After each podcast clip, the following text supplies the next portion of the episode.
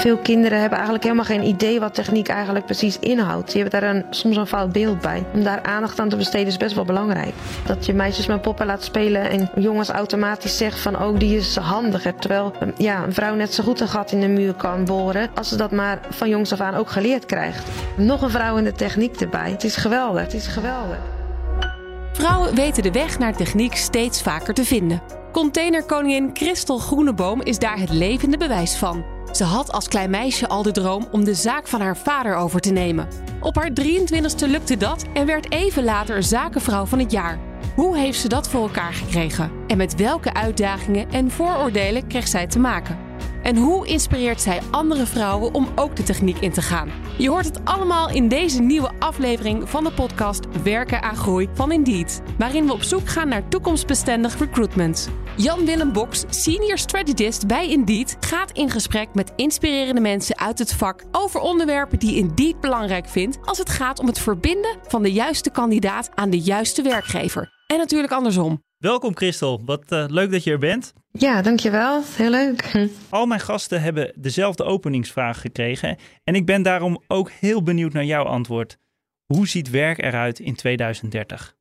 Ja, ik denk dat uh, je werk met plezier doen, dat dat wel een heel belangrijke pijler gaat uh, worden. Ja, bij ons in het bedrijf is dat nu al heel belangrijk, maar naar de toekomst meer. Ook omdat er natuurlijk heel veel keuzes is in, in welke beroepen, wat je allemaal kan doen. Dat er steeds meer keuzes als vroeger. Ja, daardoor denk ik dat vrijheid ook wel belangrijk is. Van dat ja, mensen meer kunnen kiezen hoe ze de werk in willen delen en mee kunnen denken. En dat het ook wel heel belangrijk is dat medewerkers heel veel waarde kunnen toevoegen. Ja, wij proberen ook wel steeds meer naar iemands talent te kijken. Dat je daar goed inzicht in zit, hebt van hoeveel talent heeft iemand. En dan ook wel ja, flexibiliteit. Dat mensen parttime kunnen werken. En ook kunnen kiezen ja, hoe laat ze beginnen. Dat denk ik ook wel een belangrijk punt is. Ja, en ik, ik denk ook wel dat digitaliseren steeds belangrijker wordt. Ook voor bepaalde functies. Bijvoorbeeld iemand van de administratie dat ja, dat dat veel leuker is als, als dat een heel goed systeem achter zit. Dus ik denk dat dat voor bedrijven na 2030 echt wel noodzakelijk is dat je ja, heel goed die digitale transformatie hebt doorgevoerd. Dat, uh, dat dat wel essentieel is. Dat dat systemen allemaal praktischer en, en goed werken voor je medewerkers. Ja, dus ik hoor de steekwoorden vrijheid, digitalisering, plezier, die hoor ik terugkomen. Ja, zeker. Ja, en goed kijken naar talent. En aansluiten bij het talent dat iemand bezit. Minder ook dan het papiertje? Is dat minder belangrijk? Ja, dat denk ik wel. Ook ik heb hier met mijn RR en mijn uh, medewerker vaak over. En die vindt dat minder belangrijk worden. Dat het meer kijkt naar hoe is iemand en, en, wat wil die. En meestal zien wij het gelijk ja, de eerste paar dagen. Van als iemand hier is en hij, diegene is aan het werk van waar is die goed in. En dan, ja, dan verander je soms wel eens de, de functieomschrijving. Omdat je dan kijkt echt van daar ligt iemand zijn talent. Ja. Dat, uh, ik vind dat ook wel een uitdaging om dat goed te kunnen zien. Maar dat, dat doe je meestal met een paar me mensen, met een team. Dat je denkt daar is die persoon nu goed in. En meestal waar iemand goed in is, vindt hij ook leuk om te doen. En dan, uh, ja, dan kan de functie wel eens veranderen waar hij voor aangenomen is. Ja. wat hij dan werkelijk gaat doen. En, en ja. als je dan een vacature uit hebt staan, hoe beoordeel je dan de brieven, de cv's die binnenkomen als je kijkt naar iemands kwaliteiten en minder naar het papiertje eigenlijk. Hoe doen jullie dat? Ja, je kijkt wel een beetje naar iemands achtergrond. Wat heeft iemand gedaan? Maar ook wat de tekst die erbij staat. Nu hadden we er vandaag iemand, ja, die had ook een bepaalde tekst. Dat wij echt dachten van, nou, dat past niet in onze bedrijfscultuur. Dat was zo, ja, een beetje heel soft geschreven. Dat ik denk, nee, dat gaat hem niet worden. Dus daar kijk je ook wel naar. Ja, en ik denk gewoon, meestal laat je gewoon veel mensen komen. En dan zie je dat in het eerste gesprek al. En dan, ja, ook wat is iemands, ja, echt een motivatie om te solliciteren op die functie. En dat is ook wel heel belangrijk. Dus je laat eigenlijk heel veel mensen op gesprek komen. De, althans, de mensen die reageren. Je moet het wel heel bond maken, wil je niet uitgenodigd worden.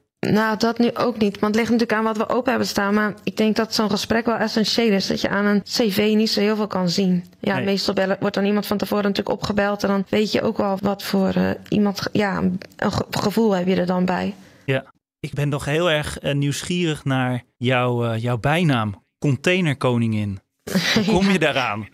Uh, in de tijd schreef ik columns voor het managementteam. En ja, toen heeft een journalist ja, die kop er een keer boven gezet en die is blijven hangen. Dus ja, ik kom ook wel dat ik de enige vrouw ben in de containerwereld. Ja, in Nederland in ieder geval. In België volgens mij ook de enige. Dus ja, daarom. Kom je ze wel tegen? ja, andere koninginnen wel, maar in de containerwereld eigenlijk niet zo. Nee. Nee. Is nog echt een mannenwereld dus. Ja, zeker. Ja. En jullie eh, bedrijf maakt containers. Wat zijn dat voor containers?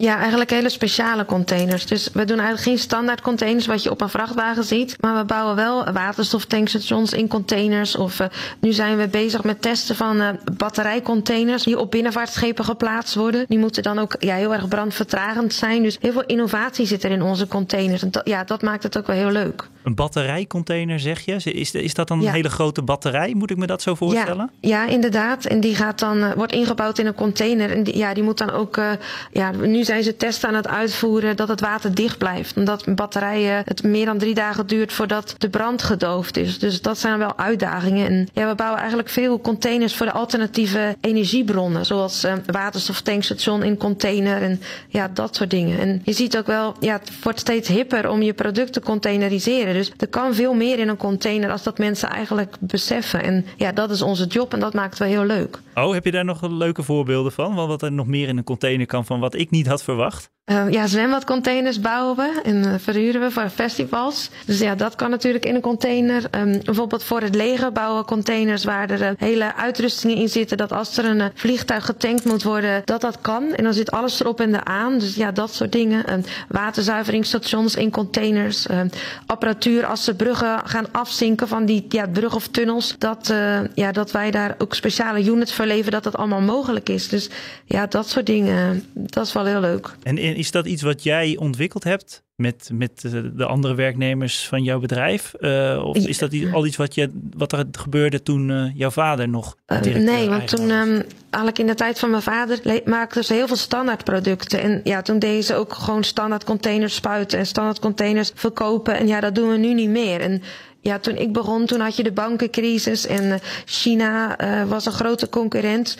Dus ja, toen heb ik er eigenlijk bewust voor gekozen om een, ja, een level hoger te gaan en hele speciale producten te gaan bouwen. Dus ja, dat was eigenlijk wel een bewuste, bewuste keuze, ook om te gaan innoveren. En ja, ik wilde eigenlijk ook echt producten gaan leveren waar er heel veel toegevoegde waarde in zit. Mm-hmm. Dat je ja, iets anders doet dan wat iemand anders doet. Dus ja, dat, uh, daar zijn we mee begonnen en dat is een groot succes. Ja, en leveren jullie ook nog gewone containers? Nee, eigenlijk niet. Want soms bellen er wel eens mensen van ik wil een gewone 20 voet container kopen. En ja, dan zeggen we we zijn geen handelaar. Jullie zijn een, je eigen niche gestart. Ja, dat denk ik. Dat is ook wel de sterkte van het bedrijf. Uh, ja, die niche. Ja. En je wilde eigenlijk al uh, als vierjarige het bedrijf van jouw vader overnemen. Ja. Wat, wat fascineerde jij, jou daar nu aan? Uh, als je dan binnenkwam, dan rook je die laslucht. Je zag die mannen met die spuitkappen op. En dat vond ik gewoon heel fascinerend. En ook dan kwam je in de fabriek en dan kwamen de klanten van, over, van IJsland of Amerika. En, en ja, dan niet dat we auto's bouwden of vliegtuigen, maar wel containers die heel de wereld over gingen. En ja, dat vond ik wel heel leuk. Ook dat maakbedrijf. Dat, er is ook zoveel in mogelijk wat je allemaal mee kan doen. En ja, dat vind ik wel heel tof, nog steeds. Ja, en herken je ook je eigen containers? Als je ze nog eens op een schip ziet staan. Ja, ja dat want we hebben van die speciale plaatjes. Dus dat zien we zeker. Ook op een vrachtwagen. Oh ja? Dat we ja, onze eigen ja, soort stickers erop uh, zetten. Dus ja, dat, uh, we laten wel een teken achter. die is bij, komt bij ons vandaan. Ja, oh. Wat leuk. En ja. uh, je nam het bedrijf van jouw vader over. Toen was je? 23, dus nog heel jong. Heel jong inderdaad. Ja. ja. En hoe was dat voor hem om het bedrijf over te dragen? Ja, ook wel moeilijk. Want ja, zo'n bedrijf is natuurlijk zo lust en zijn leven. Dus ja, dat is ook best wel heel moeilijk om dat dan over te dragen. Ook al is het naar je eigen kind. En mijn vader was ook zoiets, een bedrijf moet je op tijd overdoen naar de volgende generatie. Ja. Yeah. Dus dat is ook gewoon heel belangrijk voor het bedrijf en voor de mensen.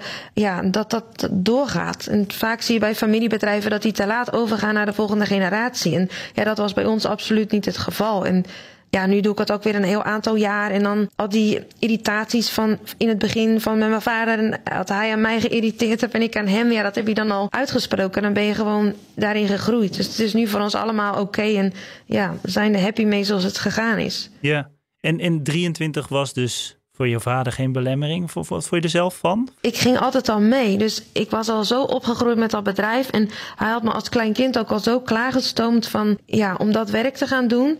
Dus dan, ja, dan is dat anders. Dan als je als, als klein kind al meeloopt in de fabriek en je gaat mee naar vergaderingen, dan, ja, dan maakt die leeftijd niet zo heel erg uit. Dat, dat, dat geldt voor jou. Dus je, ja, voor jou was het eigenlijk een logische stap. En voor je vader dus ook. Ja. Um, Werd je serieus genomen als eigenaar? Ja, ik heb er echt wel voor moeten vechten. En ook mensen moeten ontslaan die mij niet accepteerden. En ja, dat was wel echt moeilijk in het begin. Ja, dat, uh, ja, dat is heel heftig. Maar of ik dat nog, um, blijft altijd wel moeilijk. Al, ja, nu is het bedrijf gegroeid en nu heb ik mijn eigen uh, HR-dame, Linda.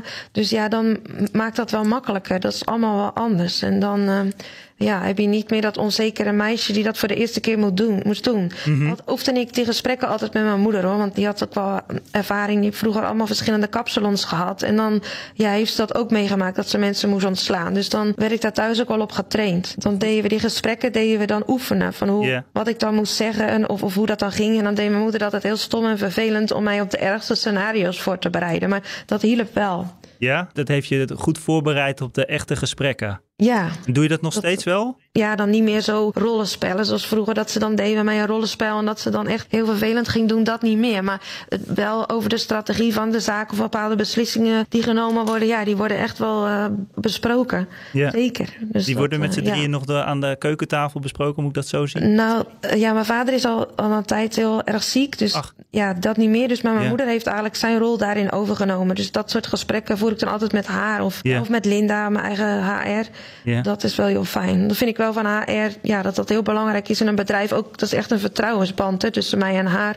Um, van ja, wat, wat er dan speelt om dat samen te bespreken. Ja, dat kan ik me voorstellen. Ja. En hoe was het om functionerings- of exitgesprekken te doen met mensen die door jouw vader waren aangenomen en er dus al veel langer werken dan jij? Je zei, je hebt dat geoefend met je moeder. Hoe was dat dan om ze dan daadwerkelijk uit te voeren? Ja, dat was best wel spannend in het begin. Dan zit je daar echt wel met een klein bevend kloppend hartje. Maar op de duur leer je daar ook wel van. En dan, dan zie je daar ook wel van, ja, wil jij bijvoorbeeld een goede bedrijfscultuur hebben, dan moet je ook wel paal en perk stellen van dit kan wel en dit kan niet. En wil jij vooruitgang boeken, ja, dan moet je ook die rotte appels eruit halen. Mm-hmm. Ja, dan moet je soms heel moedig zijn. Maar ja, het is, het is daarna wel een hele grote opluchting als je dat gedaan hebt. Dus dat vind ik wel. Dat, uh, dat het ook wel constant werken is aan een bedrijf om een goed team te krijgen. En dat, uh, ja, daar steek ik wel veel aandacht. Besteed ik wel veel aandacht en tijd aan. Zeker. Ja, dus het cliché van de groei is buiten je comfortzone, dat, uh, dat is wel waar in dit ja, geval. Zeker. Ja, ja, dan moet je ook het juiste team hebben. En, en ja, dat is wel werken aan je bedrijf en bewuste keuzes maken. Ja, en daar horen soms die beslissingen bij dat je denkt iemand past niet meer in mijn team, want ja, dat, dat, dat werkt zo niet meer. Nee. Uh, hoe was het gesteld met de gelijkheid tussen mannen en vrouwen toen je het bedrijf overnam? Ja, dat was bij mijn vader nooit zo'n focus. Eigenlijk helemaal niet. En ja, dat is natuurlijk ook anders. Als, ja, als je zelf als vrouw een bedrijf overneemt en heel jong, dan kijk je daar heel anders tegenaan. Dus ja, toen oh, ja, was dat toch een andere tijd. Ja, en nu doen we ook mee met dagen als een Girls Day. En ik heb een vrouwelijke werkdagbouwkundige die ook uh, tekent, calculeert. Maar ik heb er nu ook sinds kort een, een vrouw bij die vroeger onderhoudsmonteur in van vliegtuigen is geweest. Ze is heel technisch, dus ook voor heftrucks en alles, ja, dat is geweldig. Dus daar ben ik wel heel blij mee. Dus nog een vrouw in de techniek erbij. Ja. Dus dat is wel heel top. Alleen ja, het is jammer bijvoorbeeld voor constructiebankwerkers en spuiters. Ja, dat soort functies hebben we ook. Ja, dat blijft overwegend een mannenwereld. Als de vrouwen komen, dan, dan zijn ze zeker welkom, maar je, je ziet het nog niet. Dus dat, uh, dat is gewoon nog niet zo. Solliciteren ze wel? Bijna niet. Dus dat eigenlijk niet. We hebben ene keer een mevrouw gehad en die, ja, die zag het niet zo goed zitten. Mm-hmm. Ja, dus dat helaas. Jammer. Ja. ja. En je ziet dus wel dat voor jouw vader had het minder focus. Uh, voor jou ja. heeft het wel focus. Dus dat is, dat is een generatie ding, ja. denk ik dan. Zie je dat ook in bedrijven om je heen, dat daar meer focus op is? Ja, dat denk ik wel. Bijvoorbeeld nu van, dadelijk komt 30 maart de Girls Day eraan. Dat is van VHTO. En er zijn toch steeds meer bedrijven die meedoen met zo'n dag. En ja, ik denk ook wel dat mensen voordelen van diversiteit in, je in een organisatie zien. En dat is niet enkel man, vrouw, maar dat is natuurlijk ook verschillende leeftijden in je bedrijf, verschillende achtergronden. En ja, dat, dat zie je toch wel dat dat steeds belangrijker wordt. Ja, en ook geaccepteerd wordt op de vloer? Ja, zeker. Want ik moest vandaag ook lachen. Omdat die, ja, die mevrouw Melissa, die vroeger onderhoudsmonteur van vliegtuigen is geweest. Die, mm-hmm. Dat de mannen dan helemaal verbaasd zijn van zo. Ze kan zelf uh, de olie verversen van een heftruck. Of oh, moet je kijken hoe technisch die vrouw is. En ja, dan geeft dat ook wel veel respect.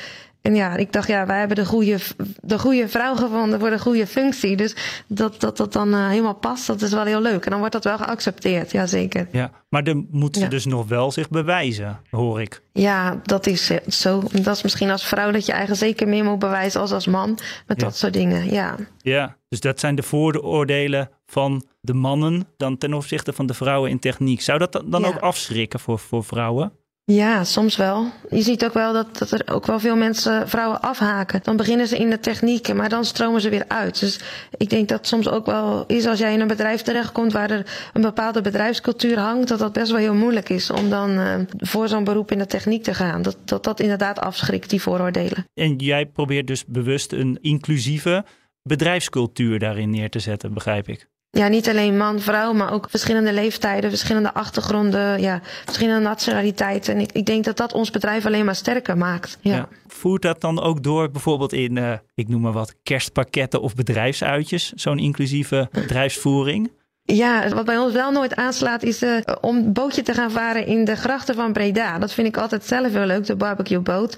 Maar dat krijg ik er hier nooit door, omdat sommigen heel bang zijn van water. Ook de meest stoere mannen. Dus ja, ik vind dat al, ik snap dat nooit, want ik ski en ik ga ook wel eens graag zeilen. Maar de barbecueboot krijg ik er hier niet doorheen. Dus helaas. Dus zo stoer zijn ze dan ook allemaal niet, die mannen in de techniek. Ah, die dus mee willen met de barbecueboot. daar, Dus, ga- daar gaan de vooroordelen over de stoere mannen. ja. Maar jij, jij hebt een bloedhekel aan die vooroordelen, toch? Ja, ik vind Ja. dat verschrikkelijk. Dat Ja. mensen gelijk zo'n etiket op je plakken. Ja. Maar iedereen heeft ze toch onbewust Ja, wel, zeker. hè? Ik zelf ook. Jij? Ja, iedereen heeft vooroordelen. Of dat je dan ja, een- misvatting maakt. Dat je denkt, oh, dat had ik niet verwacht van die persoon. Of tuurlijk. Loop je daar vaak tegenaan? Ja, ik probeer me altijd wel bewust op te zijn. Of ook wel ja, dat je thuis elkaar erover aanspreekt. Van ja, dat was wel een vooroordeel wat je nu deed. Dat was wel niet, niet correct. Ja, dat, dat zeker. Ja. Ja. En ehm, vrouwen in de techniek, daar ben jij een goed voorbeeld van, maar we zien ze zo weinig. Hoe komt dat? Ja, ik denk, het begin al op school. Dat de basisschool eh, beginnen mensen, ja, leerkrachten vaak al dat ze denken dat bijvoorbeeld jongens beter in wiskunde zijn als meisjes. Ja, terwijl dat dus helemaal niet waar is. En ook als wij groepen klassen langs krijgen, groepen met kinderen, dan zeggen wij dat ook van, joh, dat is niet waar. Ook, het is echt niet dat de jongens eh, van nature daar beter in zijn of dat het brein van mannen anders werkt als vrouwen. Dat is ook niet zo. Maar het gaat er gewoon om als bijvoorbeeld ouders of leerkrachten besteden daar meer tijd aan. En die laten zo'n jongen veel meer wiskundeoefeningen doen of veel meer dingen in de techniek. Ja, dan, dan wordt iemand daar automatisch goed in. En dat is wel jammer. Dat, dat begint al met, met kleine kinderen. Dat je meisjes met poppen laat spelen en jongens automatisch zegt van oh, die is handiger. Terwijl um, ja, een vrouw net zo goed een gat in de muur kan boren. Als ze dat maar van jongs af aan ook geleerd krijgt. En ja, daar gaat het toch vooral al fout. Ja. Speelde jij dan naast met, naast, eh, met poppen met, eh, met de boormachine? nou, ik kan wel een gat in de muur boren en, dat, Ja. en ook mollen vangen. Maar dat is dan omdat mijn moeder daar dan op staat dat ik dat zelf moet kunnen. Dus die leerde Ja. mij dat dan in plaats van mijn vader. Mijn vader was nooit zo handig. Dus dat wel. Maar ja, ik ben altijd wel gefascineerd door auto's. Dus als mijn vader rallies ging rijden of dat soort dingen, dan ging ik altijd wel mee. Dus, eh, Dus ja, bij jou zat wel. het er al van jongs af aan in dat je geïnteresseerd was in techniek. Ja, dat zeker. Al speelde ik ook gewoon met Barbies hoor. Ja, zeker. Ja. Eh, dus die vooroordelen moeten dus weg. Ja. Ouders, op scholen. Je krijgt dus ook klassen langs. Doe je dat dan heel bewust? Dat je ze uitnodigt of komen ze, vragen ze of ze langs mogen komen? Wij doen dat vooral via VATO. Want ja, nu ook de zakenvrouw van het jaar. Je wil niet weten hoeveel aanvragen wij krijgen van eh, leerkrachten en eh, scholen die langs willen komen. Maar ja, ik heb natuurlijk, we hebben ons gewone business te runnen. Dus we, we doen echt initiatieven heel gericht met VATO. En dan op bepaalde dagen, omdat het ook, ook veel voorbereiding eh, vergt. Ja. En ja, dat je ook rondleiding hebt, kan hier niet iedere dag eh, schoolbusmeisjes langs, die langskomen. Dat gaat natuurlijk niet. Wat leuk. En Ja. ehm, dan is natuurlijk de hoop en de wens dat er later meer meiden in de techniek gaan. Ja. Wat maakt meiden zo goed in de, in de techniek? Wat maakt dames zo goed in de techniek? Nee, ik denk dat het gewoon ook een gemiste kans is. Als je niet meer diversiteit hebt in de techniek en dat het enkel een mannensector is. Omdat vrouwen ook op een andere manier naar de dingen kijken. En soms iets preciezer zijn of iets nauwkeuriger, nauwkeuriger zijn. En ja, ook voor de, het sfeer in het team is het wel goed. Bijvoorbeeld ook, ja, mannen, er kan nog wel eens zo'n eh, haantjesgedrag worden. En met een mix van mannen en vrouwen is de sfeer op de werkvloer ook anders. En ja, vrouwen zijn ook wel heel nauwkeurig met kwaliteitscontroles. Dus ik denk juist die mix van mannen en vrouwen, dat dat wel positief is. En dat je dat wel, eh, ja, in heel veel sectoren zie je het al. Alleen de techniek loopt daar gewoon in wat achter. Ja. Merk je dat ook in, bij jou in het bedrijf? Dat die, dat die sfeer beter is sinds er meer vrouwen rondlopen? Ja, ik vind dat wel. Ik vind het zelf ook prettiger werken met een mix van mannen en vrouwen. Omdat dan wordt anders naar de dingen gekeken. Of er komen nieuwe ideeën op tafel. Dat vind ik wel fijn. Vroeger wat daar, ja, wordt sommige dingen niet zo duidelijk over gepraat. Als er bijvoorbeeld fouten of klachten zijn. En met vrouwen is dat toch iets transparanter. Dat er dan meer een leercultuur ontstaat. Dat vind ik wel positief. Dat soort dingen. Ja, en merk je dat dan ook aan de mannen die uh, op de werkvloer rondlopen? Dat zij zich daar beter over voelen of dat het laagdrempeliger voor hen wordt om daarover te spreken? Ja, dat denk ik wel, omdat je verschillende achtergronden krijgt en, en ja, dat het minder dat haantjesgedrag wordt. En je ziet het ook wel vaak als je teams hebt met mensen met een verschillende achtergrond, dat daar betere beslissingen in genomen worden. Ook omdat mensen andere ideeën hebben of andere zienswijzen. Dat, dat vind ik wel heel goed. Ja, ja. En jij wilde altijd al in de techniek, hè? Of had je ook andere ambities? Nee, ja, ik ben er natuurlijk helemaal in opgegroeid. En ja, dat zeggen wij bijvoorbeeld ook tegen, tegen leerkrachten. Als, als een meisje of, ja, of een jongen geldt hetzelfde. Uh, geen ouders heeft die werkzaam zijn in de techniek.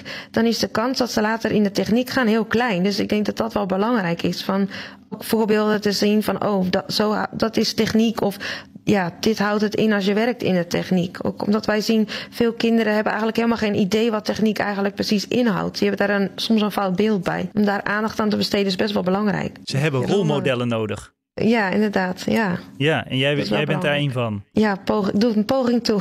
Ja. Tot, ja. En zijn er ook nog meer rolmodellen? Ja, zeker. Ja, ook die aangesloten zijn bij VATO. Er zijn de, ja, de leading ladies noemen ze dat. Er zijn er zeker wel meer van. Ja. Heb jij trouwens wel eens getwijfeld aan je keuze voor de techniek? Nee, eigenlijk niet. Want ik doe het wel heel graag. En ik vind heel dat maak, uh, maakbedrijf wel heel leuk. Ook bijvoorbeeld uh, managementsystemen zoals 5S. Dat is een Japans kwaliteitssysteem wat we toepassen.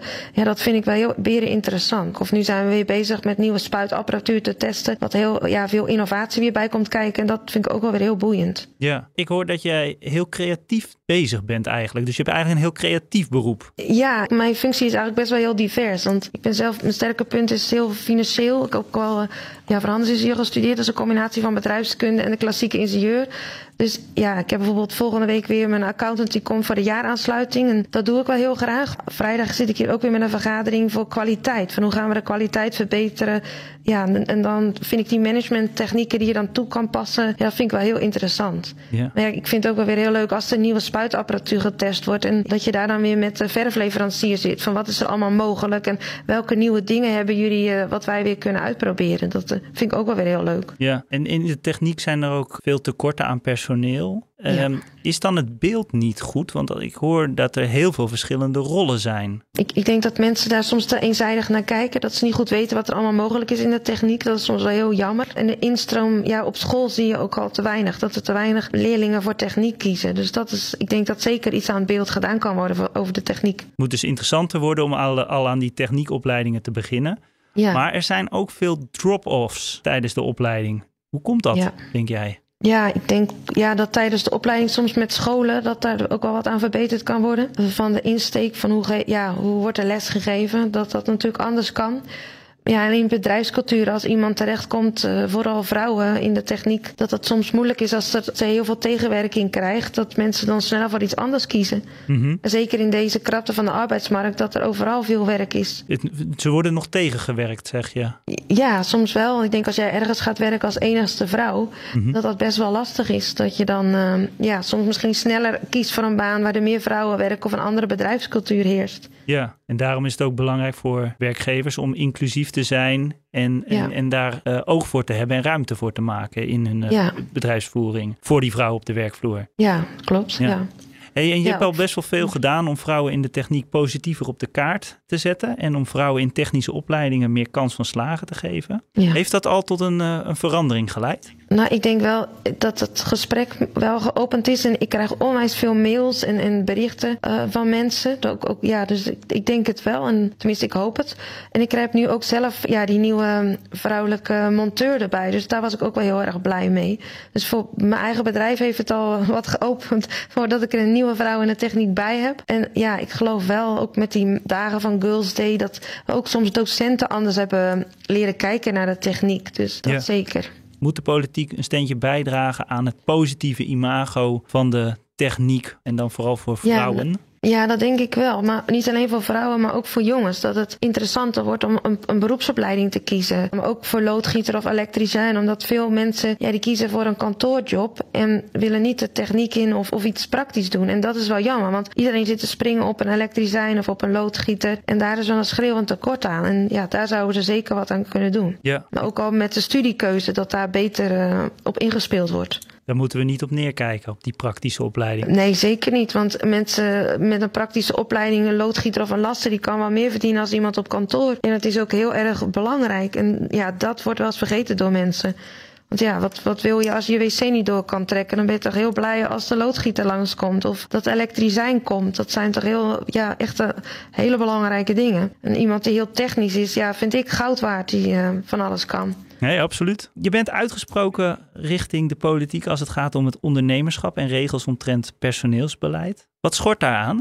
Ja, ik vind die uh, loondoorbelastingbetaling uh, bij ziekte vind ik wel heel erg. Als je iemand bijvoorbeeld een, een, half jaar contract gegeven hebt en die gaat ziek uit dienst, ja, dan heb je het vlaggen, want dan heb je een hogere loonbelastingspremie wat je krijgt. Dat vind ik niet altijd eerlijk. Ja, en ook die, uh, als iemand ziek is, dat je natuurlijk twee jaar loon door moet betalen.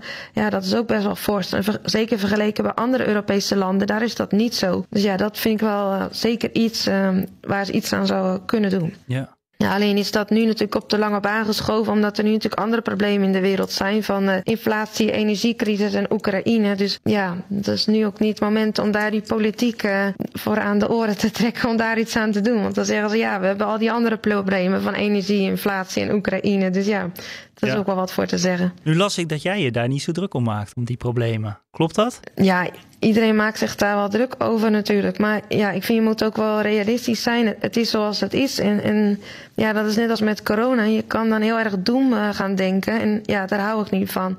Ja. Dus je weet hoe de situatie is. En ja, wij hebben nu allemaal zonnepanelen op ons dak. Ja, en iedereen weet dat die oorlog voorlopig nog niet over zal zijn. Ja, dan moet je daar wel rekening mee houden. Dan, eh, ja, dan weet je dat. Ja. Dus, ja, jij ik las is- dat jullie, eh, jullie hadden al groot ingekocht. Inderdaad, zonnepanelen op het pand eh, ingezet. Ja, het is niet volgend jaar eh, over die inflatie en die energiecrisis en die oorlog. Dus dat, eh daar moeten we gewoon mee zien te dealen. Ja. Hoe erg het ook allemaal is. Het is, het is nu eenmaal zo. Ja.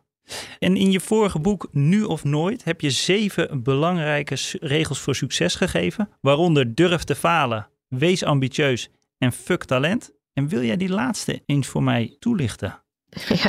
Ja, die laatste gaat eigenlijk over dat mensen soms talent overschatten. Dus dat ze bepaalde dingen niet doen, omdat ze denken, ja, dat kan ik toch niet. Of daar heb ik geen aangeboren talent voor. Maar er zijn heel veel onderzoeken gedaan, ja, wat dan ook in het boek staat, ja, dat, dat je heel veel dingen aan kan leren. En ja, niet alleen die 10.000 uur regel van als je iets 10.000 uur doet, dat je het vanzelf eh, ja, goed gaat kunnen. Maar er zijn ook heel veel onderzoeken van als jij bijvoorbeeld heel veel wiskundesommen maakt en dat je op de duur gewoon hersenverbindingen creëert.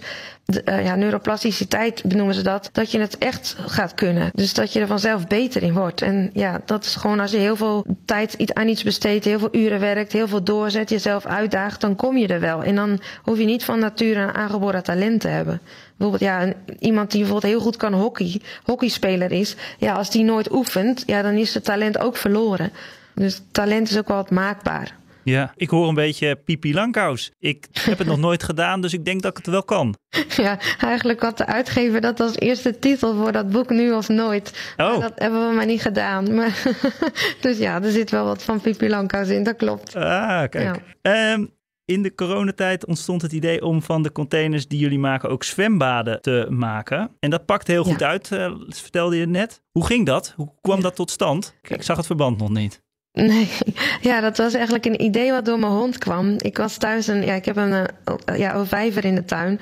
En ik had net de arboarts aan de telefoon. En mijn hond, ja, die zwemt graag. Die maakte net een bommetje dat ik helemaal nat was. En toen kwam ik de volgende dag in de fabriek. En toen dacht ik, zag ik bepaalde containers staan. Ik denk, ja, waarom maak ik er eigenlijk geen zwembad van? Want ja, net als die hond, niemand kan zijn tuin uit. Niemand komt op vakantie. Niks leuker als een eigen zwembad in de tuin. Dus ja, zo kwam dat eigenlijk. Nou, Ja. pakt goed uit dus. ja, nu doen we vooral verhuur voor evenementen. En dat heeft dus een, een behoorlijke verandering ook in je bedrijfsvoering eh teweeg gebracht. Je hebt nu zelfs een showroom. Ja, die verkopen klopt. aan consumenten. Ja. Betekent dat ook een tekort aan personeel? Nee, nee, nee, dat niet. We hebben wel gelukkig eh, goede kundige mensen die er zijn. Dus dat, dat is niet zo'n probleem. Nee? Komt wel goed. Nee, zeker niet. Als je bepaalde dingen slim en efficiënt aanpakt, dan kan je ook wel in een korte termijn veel werk verzetten. Ja. En sta jij zelf nog wel eens in de, in de werkplaats? Ja, ik doe altijd wel mijn, uh, mijn rondje. Ja, ik doe altijd het 5S-rondje. Dus dan maak ik foto's van wat een troep is of niet goed is. dat is dan mijn job. En uh, ja, ook wel, ben ook wel benieuwd als ze bijvoorbeeld nieuwe dingen hebben. Bijvoorbeeld, we zijn nu batterijcontainers aan het testen. Dan ga ik wel regelmatig kijken. Dus dat vind ik dan wel heel interessant. Dus zeker, dat wel. Maar niet in de fabriek. Maar ik loop wel vaak rond. Jee. En, en wat is het 5S-model? Nou ja, dat is een Japans kwaliteitssysteem waarvoor iedere S uh, voor iets staat. Zoals schikken, um, ja, sorteren, standaardiseren. En dat heeft eigenlijk gewoon als doel om je kwaliteit omhoog te schroeven en om een nette fabriek te krijgen. Voor ja, orde en netheid. En ja, in de maakindustrie is dat gewoon heel belangrijk. En zeker uh, ja, waar je lasters hebt en uh, ja, waar ze bezig zijn met slijptollen en dat soort dingen, om zo'n systeem te hebben. Ja. Dus ja, nu hebben we ons eigen 5S-boekje met onze eigen regels. En een halfverantwoordelijke die kijkt of uh, alles netjes opgeruimd is. Maar ook als iedereen naar huis gaat, dat alle stekkers uit zijn en dat we energiebewust werken. Ja, was het vroeger wel een rommeltje in de fabriek? Ja, zeker. Het uh, blijft altijd een uitdaging om, uh, om een containerfabriek netjes te krijgen. Ja. ja. Maar met dit model is het een opgebruimde fabriek ja, geworden? Be wel veel beter, ja. ja. Maar ja, dat is ook wel iets waar je altijd continu aan moet werken. Want het sluipt er natuurlijk in. Als je weer heel veel werk hebt, dat de fabriek weer niet zo netjes is. En zeggen ze, ja, we hebben zoveel werk gehad. Dan denk ik, ja, dat snap ik wel. Maar het moet toch ook tijd besteden aan opruimen. En dat je niet struikelt over een slijptol. Ja, voor de veiligheid ja. is dat wel prettig, ja. Ja, zeker. Ja, mooi. Zakenvrouw van het jaar en bovenal containerkoningin Christel Groeneboom, dankjewel voor je komst. Ja, dankjewel voor het gesprek. Het was een heel leuk gesprek. Dit was Werken aan Groei, een podcastserie van Indeed over recruitment van de toekomst. Wil je meer horen? Luister dan bijvoorbeeld naar onze aflevering waarin Peter Boerman te gast is. Hij is hoofdredacteur van het online recruitment platform Werven en hij weet alles van de laatste trends op het gebied van werk en recruitment. Werken aan Groei is te vinden op bnr.nl, Spotify, Apple Podcasts en natuurlijk op indeed.nl/inspiration. Veel dank voor het luisteren.